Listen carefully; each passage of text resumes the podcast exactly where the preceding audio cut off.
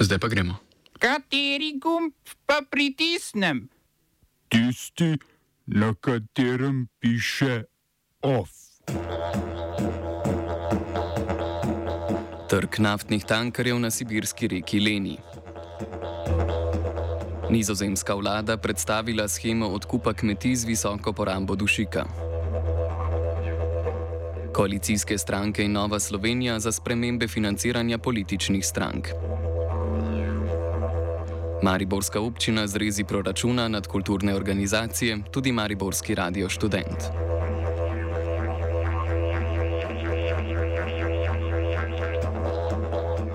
Dobr dan, poslušate poročila na Radiu Student. Rusko obrambno ministrstvo je sporočilo, da je na fronti v Zaporožju zajelo vsaj sedem nemških tankov Leopard in pet ameriških tankov Bradley. Trofeje, kot so v objavi označili tanke, so Ukrajini, Nemci in Američani dostavili marca in aprila. Ukrajinsko obrambno ministrstvo je medtem sporočilo, da je napredovalo od 250 do 700 metrov v smeri mesta Bahmut. Kakor trdi ukrajinska stran, je zauzela še štiri vasi v Zaporožki oblasti oblasti.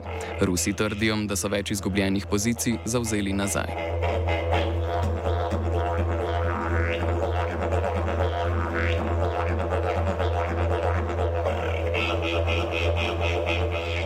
Na vzhod Rusije, v Sibirijo. Na reki Leni v regiji Irkutsk sta trčila dva naftna tankerja. Pri tem se je razlilo od 60 do 90 ton nafte. Po podatkih vzhodno-sibirskega prometnega tožilstva je do trčanja prišlo, ko je eni od ladij poveljeval prvi kapitanov pomočnik, ki je nadomeščal pijanega kapitana. Irkutske oblasti so organizirale skupine za ukrepanje v izrednih razmerah. Skušajo predvsem omejiti uporabo vode v prizadetih območjih.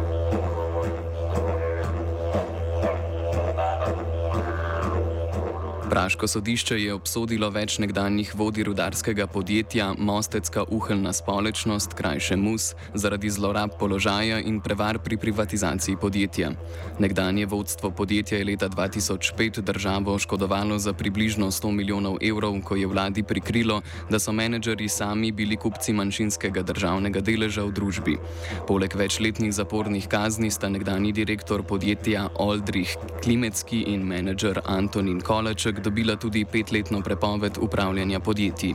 Gre za eno redkih čeških privatizacijskih afer, ki se je končala s kaznovanjem odgovornih.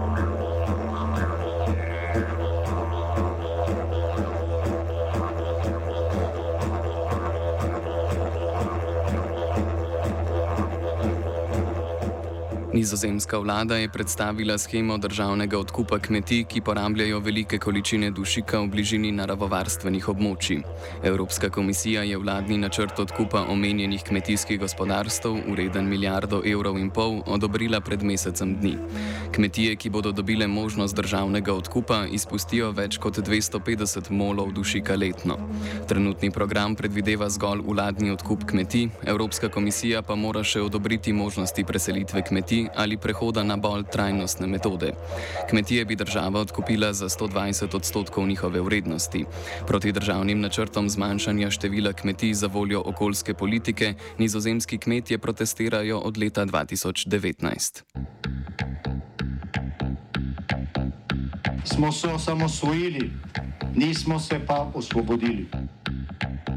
Naslednje število še 500 projektov izpiljene modele, kako so se strani nekdanje LDS rotirali. Ko to dvoje zmešamo v pravilno zmes, dobimo zgodbo o uspehu. Takemu političnemu razvoju se reče udar. Jaz to vem, da je nezakonito, ampak kaj nam pa ostane? Brutalni obračun s politično korupcijo. To je Slovenija, tukaj je naša zemlja, to je Slovenija, Slovenija, Slovenija. Poslanci Svobode, socialdemokratov, Levice in Nove Slovenije so v državni zbor uložili predlog novele zakona o političnih strankah.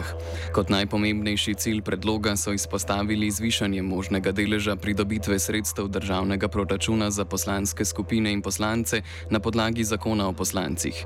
Ta bi se sedanjih 50 zvišal na 70 odstotkov. Predlog novele bi vrnil pred desetimi leti odpravljeno ureditev financiranja strank glede na rezultat volitev. Po novem starem sistemu bi bile stranke upravičene do 10 odstotkov sredstev iz proračuna, do preostalih 90 odstotkov pa bi bile upravičene sorazmerno z rezultatom na volitvah, kar pomeni manj denarja za izven parlamentarne stranke. Po poročanju časnika Delo bodo za odpravo nezadovoljstva najmanjših strank povečali skupno vsoto proračunskih sredstev za financiranje strank. To bi seveda koristilo vsem strankam, ne le najmanjšim.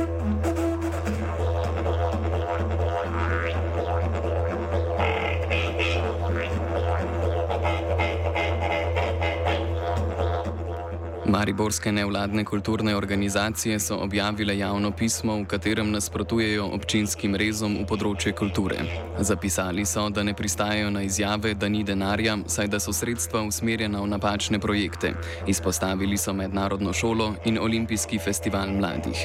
S predvidenimi rezi v kulturni proračun je ogrožen tudi obstoj Mariborskega radia študent, znanega kot Radio Marš. Ka kakšne razloge za reze v proračunu je na današnjem sestanku predstavila občina, razloži odgovorni urednik Radia Marš Jan Podbrežnik. Na sestanku, eh, kjer nas je bilo v majhni sejni sobi preveč, je iz strani mestne uprave prišla informacija, da gre za trpele ljubljen, ki so imele razloge na večjih koncih, prvi izmed njih je bil, da iz strani države še vedno naj bi občina čakala na določena sredstva za izvedbo proračuna. Um, ta točka je bila ponovljena dvakrat, še enkrat bolj v specifični točki, omenjene so bile tudi, uh, recimo temu, objektivne oziroma globalne situacije um, in v luči tega um, so z občine sporočili, oziroma z vodstvo Rada za kulturo in mladino in mestne prave, da je um, situacija za vse enaka in da razumejo uh, našo jezo. S tem so tudi še enkrat ponovili enake izjave, kot jih imajo uh, do sedaj, torej nerazumevanje uh, pač ključnosti občinskega sofinanciranja v takem obsegu, kot je bilo dogovorjeno in uh, pač nerazumevanje delovanja sektorja nasploh. Kaj rezi pomenijo za Radio Marš? Za Radio Marš te neuradne napovedi močnih rezov pomenijo močen res v praktično edino stalno programsko financiranje, ki nam je še ostalo.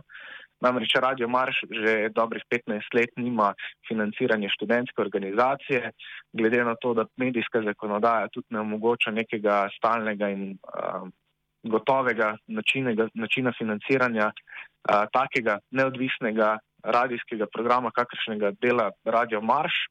Torej, režemo mi ne nekoga, ki bi bil plačen za svoje delo, ker uh, uredništvo in tudi vodstvo trenutno delamo na izključno prostovoljni ravni, pač pa zarežemo tja, kamo niti ne moremo zarezati, to pomeni stroške obratovanja in s tem bomo ob tak, takem uh, močnem rezu primorani pač po domače rečeno zapreti bajto, torej uh, prenehati z oddajanjem radijskega programa. Občina. Občina je Radio Marš sicer ponudila začasne odločbe, ki bi omogočile 80-odstotno financiranje projektov in programov, a zgolj do septembra. Iz Štajerske v državno prestolnico. Po poročanju časnika Dnevnik je inšpektorica za naravo in vode sredi maja izdala odločbo, s katero je ustavila poseg dreves v krajinskem parku Tivoli, Rožnik in Šišenski hrib. Mestna občina Ljubljana bi namreč morala predsečnjo dreves pridobiti tudi mnenje Zavoda za varstvo narave. Zavoda do zaključka redakcije nismo uspeli priklicati. Odločitev je na današnji novinarski konferenci komentiral ljubljanski župan Zoran Jankovič pač to kot njena pravica, jaz v to njeno odločbo ne dvomim, da očitno po svojem misli, da ima podlage, mi smo dali pritožbo na to odločbo in čakamo odgovor. Kot vedno meste občine držali se bomo tiste končne odločbe, ki bo eh, zdaj, da jaz obnavljam pa ponavljam zgodbo, da smo imeli eh, v bistvu od Zavoda za varstvo gozdov tisto odločbo, ki je odredil, kaj se seka, ne, in kaj se ne seka, ne, eh, mi smo to vse zapisali, tako da bomo počakali ne drugo stopnjo, ki bo to komentiralo. Zakaj pa občina ni pridobila še mnenja Zavoda za varstvo narave? Ker smo menili, da ni potrebno, To je dejstvo, ne, naš odlok je odlok, vendar še enkrat bom rekel, spoštovali smo tisto, kar je do sedaj bilo veljalo. Mi sicer Zavod za varstvo narave delamo zelo dobro, ne, tako da ne bi kdo kaj mislil. Ne. Od izdaje odločbe Zavoda za gozdove Slovenije, na podlagi katere se je sečnja začela, so do danes posekali 200 dreves od predvidenih 389. Odločba inšpektorice ne dovoljuje nadaljne sečne, dokler ne bo mnenja podal tudi Zavod za varstvo narave. OF je pripravil Tilen.